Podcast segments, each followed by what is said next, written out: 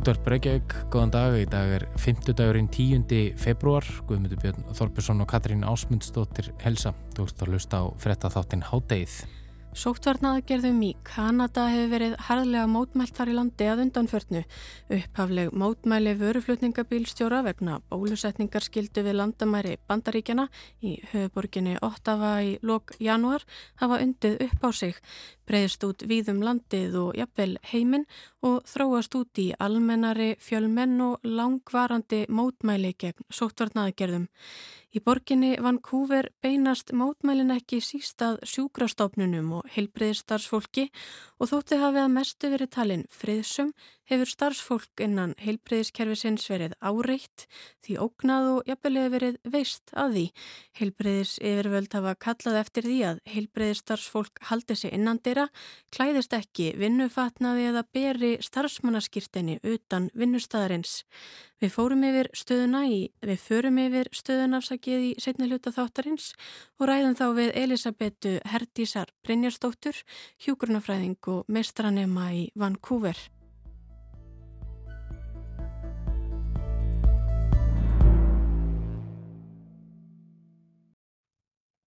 En við byrjum í heimi tækninar. Í dag ætlum við að fjalla eins um viðskiptalegu hliðarnar á því sem er að gerast í tölvuleikja heiminum og á samfélagsmiðlum eða hjá samfélagsmiðlum.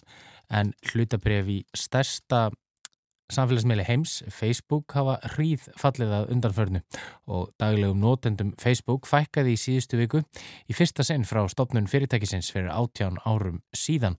Hún er sest hjá okkur um Kristjana Björk Barðdal, þáttastjórnandi auðvitaðlaðvarps skí og sérlegur sérlegur sérfræðingur hátegisins í nýjastu teknovísindum. Velkomin Kristjana. Takk fyrir það.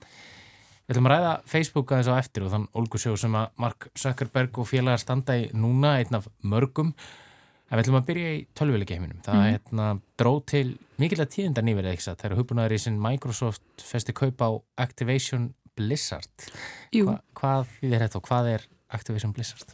Sko, Activation Blizzard er tölvuleiki sem framlegir, hérna, fyrirtæki sem framlegir tölvuleiki og svona mjög vinsala tölvuleiki þá sérstaklega í rafíþróttum og leikir á borða við Call of Duty og Warcraft leikinnir, World of Warcraft og allt þessir sem þú spilar þá með öðrum á sama tíma mm -hmm. og Mhm. fólk er að keppa í þessu, ræðvíþróttir og þau sem sagt Microsoft ætlar að kaupa Activation Blizzard til þess að eiginlega bara svona svolítið stækka kannski markaslut sinn en Microsoft auðvitað framleiðir Xbox tölvunar, leikatölvunar og þetta svona er mjög áhugavert að því að allir þessir uh, risar eru orðinir rosalega stórir og maður er svona mikið pælt í hvað, hversu mikið má kaupa og svo svo leiðis en þetta er náttúrulega sikvart fyrirtæki þannig að þau mega kaupa Activision Blizzard.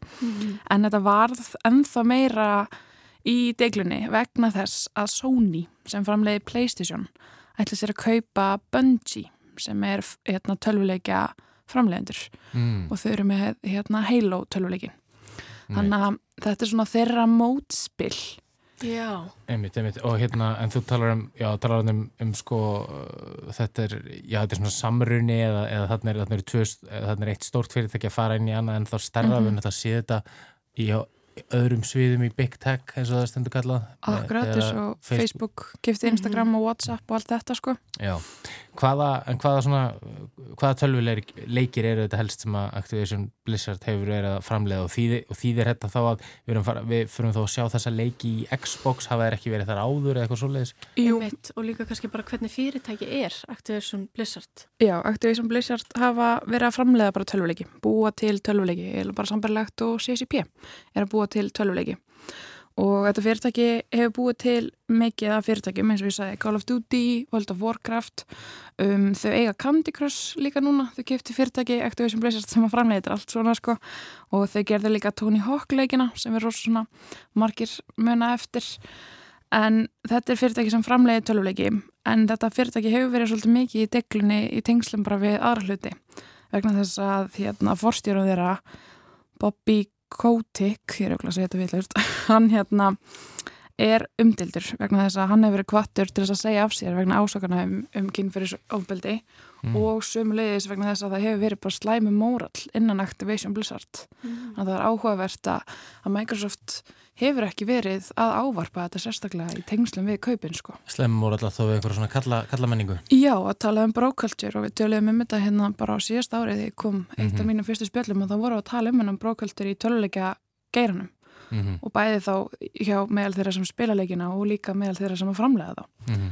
Verður hann, verður hann áfram þessi, þessi maður? Hann verður áfram og þetta var ekki ávarpað í tengslum við kaupin og í kringum bara þessi kaupit er alltaf þá í ferli sko. Þannig að það er mjög áhugavert að eh, Microsoft sé ekkit að tala um þetta en það verður bara að býða og sjá hvort að þau ger eitthvað í þessu hvort mhm. að -hmm. kannski bara er þetta gott fyrir hérna geirann að Microsoft þá kannski taka eitthvað til, maður veit ekki. Kemur einhverjum öðrum móral á sko. Já, þú talar á hann um að, um að Sony ætlaði já í framhaldina þess að, að kaupa þarna Bungie mm -hmm. e, eins og þú talar um, e, þetta er svona erum við að sjá, eru þessar tvær blokki langstæstar í, í tölvuleika heiminum, eða þegar við komum þessum sem er kallað leikjatölfur, consoles, Xbox og Sony Sko, já, Xbox og síðan Playstation er þessar svona stærstu... Xbox og Playstation já, sem er Microsoft og svona. Þessar leikatölfur og svo erstu með aðrar leikatölfur, veist því svona Nintendo er hana fyrirtæki, þau eru með svona leikatölfur sem þú heldur á. Mm. En jú, þetta er þessar lang stærstu tölfur mm. og ákveðni leikir eru bara aðgengilegir á ákveðnum tölfum en mér er samt vonast eða þess að þau séu þá bara að stækka svona áskrifenda veiturnar sem þau eru með. Þú veist, það er nýjasta stefnan í tækni þú ert áskrifandi aðallu, þannig að það verður bara vonandi að þau eru ekki að fara að taka veist, eins og til dæmis Bungie, þau ætla að hafa opið fyrir alla leikina sína þó svo að Sony kaupi þau. Já, já, eh, segja okkur núna hans í lókin Kristjana uh, frá þessu sem ég var, var nefnilega hérna áanvarandi Facebook um að mm -hmm. hlutabriða verði í, Facebook hefði hríðfallið undanfjörnum, hvernig, hvernig stendur það því? Já, sér sagt, uh, Mark Zuckerberg fórsturinn var að kynna bara í síðustu viku var að kynna hvernig síðasti ársfjörðungur 2021 gekk og hann gekk bara ekki nú vel og sömulegis að þá eru bara í fyrsta sinn í átjanar og sögu Facebook er nótandum að fækka Mm -hmm. það er alltaf einhver velta á nótundum og svona en þeim fækka í fyrsta sinn og þeim fækka ekkert eitthvað rosa mikið en það er eitthvað að gerast, áhugin er eitthvað að minga og það er bara ekki að ganga nógu vel hjá Facebooku með við allt. Heldur þetta tengist eitthvað þessari hugmyndum um þennan meta, þetta meta, þessari nafnabreitingu þegar móðfélaginu breyti meta og þau kynna þessari hugmyndur um metavers sem við höfum rætt um hér? Algjörlega, þetta getur tengst því að fólk sé ekki alveg að trúa á metavers pælinguna eða, og líka bara Facebook er ekki að fá eins mikið af auglýsingum, það er vöruskortur þannig að fyrirtæki er ekki að auglýsa eins mikið þannig að það eru rosalega margir faktora sem hafa áhrif á þetta og bara hlutubreyfinleikuð um meira en 20% þarna daginn eftir að þetta var tilkynnt. Og svo getur við náttúrulega kannski bara séð svona, þessar, þessar, ít, þessar ítryggu umfjallanir um, um að Facebook er að gerast seg, segt um alls konar mm -hmm. já, svona óæskilegar aðferðir til þess að ná í ég bæði nótendur og viðhalda þeim og dreifa falsvöttum og öðru. Þetta við séum gegnum varna kannski fólk bara búið að fá nú. Já, og það er bara gott að fólk sé að setja um línunar og markaðurinn er ekki að taka hva, hvaða hefðum sem er sjálfstæðari, sko. Kæra þakki fyrir komuna í háttegið Kristina Björk Bardal eh, háttegið snýr aftur strax á loknum háttegisveitum og þá ætlum við að bregja okkur til Vancouver og ræða við hjúgrunafræðing sem býr þar um mótmælinn sem á geisað í Kanadað undarförnum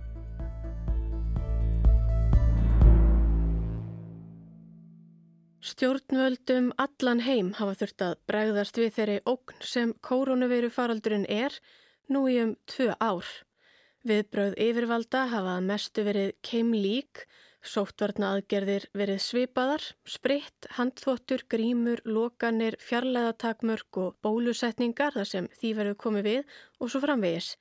En sumstaðar hafa stjórnvöld gengið lengra, sett á bólusetningar skildu, útgöngubann, loka landamærum, bæjum og jafnvel heilu borgonum í lengri tíma. Og almenningur hefur ekki alltaf tekið slíkum aðgerðum þegjandi og hljóða laust en það gerðnan matsatriði hvar mörkin eigi að liggja, hvenar tilgangurinn helgi meðalið, hvenar réttlætanlegt sé að ganga á frelsi einstaklingsins í þáu almanahagsmuna og hvenar ekki og sitt sínist hverjum. Þetta hefur kostað það að aðgerðum stjórnvalda hefur víða verið mótmælt friðsamlega eða ekki svo friðsamlega. Með þeim hætti hefur almenningur látið afstöðu sína í ljós. Og það hefur einmitt verið staðan í Ottawa, höfuborg Kanada um þessar myndir eða frá því lók janúar. Þá hófu vöruflutningabílstjórar að mótmæla bólusetningarskildu sem komið var á við landamæri Kanada og Bandaríkjana með bílalest, svo kallari Freedom Convoy eða Frelsislest sem kerði landi þvert og endi langt til að vekja aðtikli á málstað bílstjórarna. Og bílstjórarnir mótmæla enn, rungta um borgir og bæi, liggja á flautunni og stöðva jafnvel umferð og loka brúm við landamærin. Og þetta segjast þau ætla að gera þar til komi verðu til mótsvið kröfur þeirra. En mótmælinn hafa veitt öðrum innblástur því fljótlega fóru þau að breyðast út um landið, urðu að almennum mótmælum landsmanna gegn sóttvarna aðgerðum og bólusetningarskildu. Og mótmælinn hafa meðal annars nátt til Vancouver borgar og þar hefur verið tekin, já, kannski heldur óvænt stefna. Þar hafa mótmælendur tekið að sapnast saman við heilbreyðistofnanir og látið í ljós óánæju sína við spítala og sjúkrahús og þótt mótmælinn hafi að mestu farið friðsamlega fram hefur borið á því að einhverjir úr mótmælendahópnum hafi haft í hótunum við starfsfólk, ógnaði og jafnvel veist að því. Þetta hefur gert að verkum að heilbreyðistarsmenn upplifa sig óöruga og heilbreyðis yfirvöld hafa byðlað til þeirra að halda sig innandira meðan á mótmælunum stendur og þá hefur verið mælst til þess að þeir klæðist ekki vinnufötum eða beri starfsmannaskýrteini utan vinnustæðarins. Allt bætir þetta víst gráu ofan á svart en staða sjúkrahúsa í Vancouver er sögð sérlega viðkvæmum þessar myndir með fjöldi liggi inni vegna COVID og alvarlegur starfsmannaskortur plagi þegar heilbreyðstofnanirnar. Til að kannastöðuna nánar heyrði ég í Elisabetu Herdísar Brynjarstóttur, hjúgrunafræðingi og meistaranema í stjórnun í heilbreyðstjónustu við háskólan í Bresku Kólumbíu í Vancouver. Ég baði um að segja mig frá því hvernig mótmælinn og þessar aðstæður horðu við henni. Ég bara komingað fyrir mánuð síðan og ég hafði bara uh, verið að vinna heima sem hjúkunarfrængur og bara verið í COVID-búblunni heima og með fókusinn þar. En eftir að ég kom út að þá hef ég verið að reyna að fylgjast eitthvað með fréttanum og, og eins og ég skilit allavega þá hérna byrjiði mótmæli sem sagt hérna á landamæranum við Kanada og Bandaríkinn sem kallast Trucker Convoy og eru sem sagt vörubílstjórar sem eru að vinna við að keira flutningsbíla á milli landamærana yfir til Bandaríkjana og svo til Kanada. Og þau voru sem sagt að mótmæla því að það væri bólusetningaskylda í rauninni, þú þýstir að vera bólusettur til að með að fara yfir landamærin. Og þetta er einhver gigantísk pólitísk ákverðun sem hefur verið sett út af því að Bandaríkjinn til dæmis setti þessi hertu landamæra skilir þið við Mexiko og það var að tala um í pólitíkinu þar að það hafi verið gert út af flóttamannakrísu og fleira. Og þetta var einn svona taktikinn til að hemja það en þegar það var gert sagt, COVID, sagt, hertar COVID-reglur á landamærunum við Mexiko að þá þurfti líka að gera það við Kanada mm. og mhm. Kanada gerði það líka þannig að það orsakaði það að vörubilstjórnir sem eru að ferðast á milli einir í trukki þurfa að vera bólusettir og þannig byrjaði þetta eins og ég skilir þetta og hérna ég bara sjálf ber fullan skilning fyrir því að, að bólusetningar skilda falli ekki svona góðan jarðveg en, en þetta hefur þróast og orðið meira og sem sagt þessi mótmæli hafa verið mest í Ottawa og, og annars þar í Kanada en síðustu vikur hefur þetta fæst yfir leika bara Kanada og Vancouver og svona mestu lætin hérna síðustu helgi. Fyrir mér byrstist þetta í raun bara sem bílar að keira hérna út á gödum og flauta Mm -hmm. en fyrir öðrum er þetta byrstast á sagt, íktari máta ef ég get þannig að orðið komist um, og bekkisískina mín hérna úti eru mörg hérna, hjúkunarfræðingar og, og einhverju læknar og yðjúþjálfar og, og fleira og liðjafræðingar og þau hafa verið að segja mér að sem, sagt, um, sem kannski fyrir ekki hátt í fréttum en það eru búin að vera auki mótmæli fyrir utan spítala og heilbreyðstofnanir og hvað segir maður, það er svona púðurtunna sem er alveg að fara að springa verist þeirra og síðustu helgi þá, þá voru margar sprengjuhótanir á mismunandi spítulum og heilbreyðstofnunum og það hafa verið líkamsárásir á heilbreyðstarfsmenn og e, heilbreyðstarfsmenn eru kvartir til þess að vera ekki í vinnufutunum sínum og ekki með napskýstinni og, og þetta er svona, já, það virðist vera bara svolítið að springa einhvern veginn. Þannig að mótmælinn virðast vera beinast að heilbriðstofnunum og heilbrið starfsfólki sem er svona það sem mér finnst bara rosalega áhugavert að sjá, sko.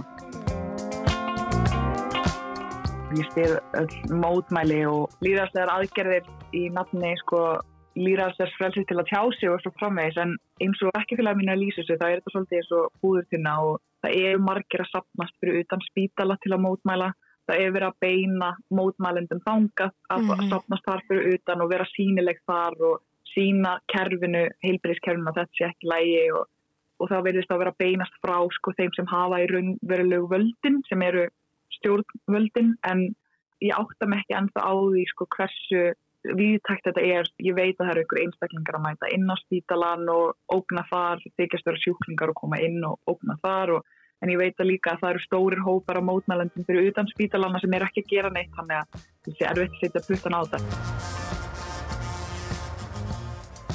Já, ymmit. Mótmælendur eru að mótmæla sóttvarna aðgerðum. Aðgerðum sem kanadísk stjórnvöld hafa komið á, svo sem í krafti framkvæmdar og lagasetningarvald síns.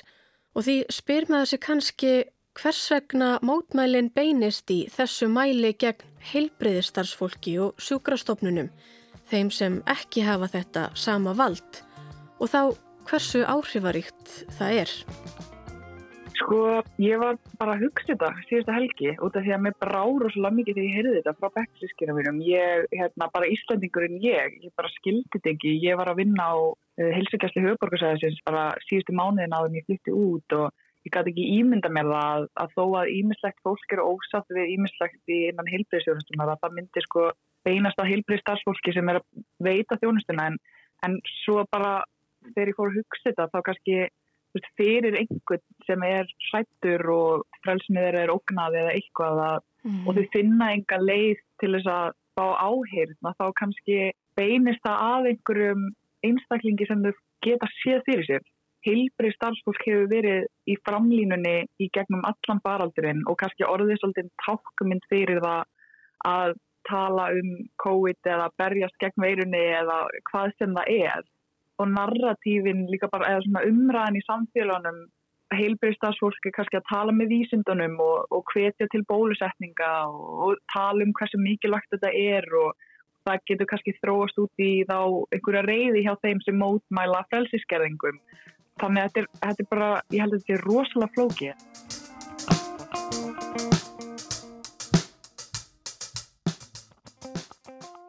Það sem að sem mér finnst svo áhugavert og ég veldi fyrir mig sjálf sem bara hjúkunafræðingur og heilbreyðstafsmaður er að þegar, að þegar svona aðstæður verða til og ótti fyrir að grýpa fólk líka að þá hefur það líka áhrif sko á mæntalega heilbreyðstafsmenna og og það sem ég hef alltaf ágjörð sjálf er að þegar að ótti grýpur heilbreyðstarfsmenn í bara mjög skiljanlegum bara hræðilegum aðstæðum að þá hvernig bytnarla á kannski undirlegjandi fordómum þegar þau eru að veita þjónustu og versnarla þjónusta við einstaklingar sem þú horfir á og kannski skilgreinir sem hluti af einhverjum ákveðnum hópi en eru kannski bara alls ekki á sömum blaðsíðu þarna eða eru ekki að fara að valda neinum skadar og þá fyrir maður að hugsa um jáðasettahópa sem eru nú þegar búin að upplefa töluvert skert aðgengja heilbæriðstjónustu gegnum allan COVID-faraldurinn og þetta hefur bara svo margar afleðingar held ég. En ég bara á sama tíma litli íslendingurinn ég var svo þakkláttur fyrir að þetta hafi ekki gert ennþá á Íslandi að sko heilbæriðstarfsfólk standi ekki framfyrir ógnað mæta í vinnuna. Þetta er mm. alveg bara svona ég fekk alveg bara svona, vá, ok, þú veist, Íslingar hafa ennþá, við höfum ennþá frelsið til að mótmæla, það er ekki bólusetningarskild á Íslandi, það er ekki búið að setja á bólusetningarskilirði til að mæta inn á veitingarstaði eða í bíó eða hversum það er, það er ekki bólusetningarskilda fyrir heilbreyðstafsfólkinu sinni. Og ég sem heilbreyðstafsmaður áður en ég mætti út til Kanada þurfti ekki vera hrættið það að vera með nafnskýstin á mig þegar ég fóði kannski kringluna að fá mig hátegismandið maður líka hugsa kannski um það sko að þegar að þessi mótmæli beinast að heilbreyðistarsfólki afleðingarnar ná víðar heldur en til heilbreyðistarsfólksins það hlýtur að ná þá líka mm -hmm. til starfsemi spítalana og sjúklingana. Algjörlega og það er líka bara að verða til umhverfi. Af nú er ég í þessu frábæra námi sem ég í að læra rosalega mikið um svona psychological safety eða svona hvernig maður skapar bara örugt rými í rauninni. Og, og þegar aðstæður eru orðna svona og það er, ég ætla ekki að kenna neinum einum um, það er ekki neinum einum að kenna að aðstæður séu orðna svona, þetta er svo ótrúlega marglaga aðstæður. En ég get ímynda mér að þeirra heilbríðstafsmenn upplöfa svona miklu ópna vinnustaf að allur vinnustafurinn upplöfur þessu ópn líka. Og það er búið að setja einhver lög að tryggja fríðhelgi heilbríðstafsmanna gegn mótmælum. Og Til að útskýra aðeins nánar, stjórnvöldi í Bresku Kólumbíu settu sem sagt nýverið sérstök lög sem eiga tryggja öryggi heilbreyðistarsfólks og fríðhelgi sjúkrastofnana, svo sem er því að vernda 20 metra svæði umhverfistær. Og það er búið að setja þarna einhver lög að tryggja fríðhelgi heilbreyðistarsmanna gegn mótmælum. Og þá eru mótmælin orðin sko vondikallin náttúrulega. Og, og heilbreyðistarsmenninu er það orðin líka og þau eru komið með einhverja fríðhelgi og þetta einhvern veginn svona yfir bara upp sko geti ímynda mér óörugar aðstæðar sem fólk eru að upplefa og það hefur áhrif á sko sjúklinga og aðstandendur og, og þjónustuna sem er veitt og, og líka sko þjónustuna sem þarf að veita utan spítalans, það er ekki bara þjónusta sem fer fram innan hans eins og til dæmis bara ná til jaðarsettur og viðkvæmur að hópa í samfélaginu. Hvernig hefur það áhrif á það Og Elisabeth bendir ennfremur á hvernig aðstæður hafa undið upp á sig og ólíkar stríðandi fylkingar skapast. Það sem hefur líka verið að gerast er að síðustu helgi á voru íbúar í Vancouver að sapnast saman sko, og mótmæla mótmælendum. Það voru, veit ég, hérna, hópar af fólki sem hjólar, svona, já, hjóla aðdáðandur og, og svona, fólk sem lapparast og notar samgöngu að sapnast saman líka og mótmæla trukkanum og það breytist í einhver svona líka áhrif á náttúruna og umræðum First Nations og frumbyggja þessi umræði búin að fara í þúsund áttir held ég. En hvað næst? Sér fyrir endan á þessu? Ég get ekki skilja umræðan öðru sig hér en svo að það sé verið að fara að aflétta en það verður gert í skrefum það sem að hefur verið svona þingstaðgerðin væntalega er bólusetningaskilda og ég hef ekki heist neina umræðum það að það eigi að breyta því eitthvað hérna í Kanada allavega. Þannig að ég veit ekki alveg hvað næstu skrifun eru en, en afléttingar eru allavega hérna bara að byrja í þessari viku. Og maður sér bara hvernig það fellur í krami hjá fólkinu. Eða hvernig þetta þróast. Ég held að við verðum öruglega bara í mörgum mismunandi kerfum að sjá afléttingarnar í, í einhver ár og, og það er áhugast að vera að lifa á þessum tímum þar sem maður er að fylgjast með þróunin einhvern veginn. En ég held að það sé bara margt sem við skiljum ekki ennþá við þetta Hátið verður þó ekki lengra í dag en við verðum hér aftur á sama tíma á morgun. Þátturinn er einni aðgengilegur í spilaranum og á hlaðvarps veitum. Verið sæl.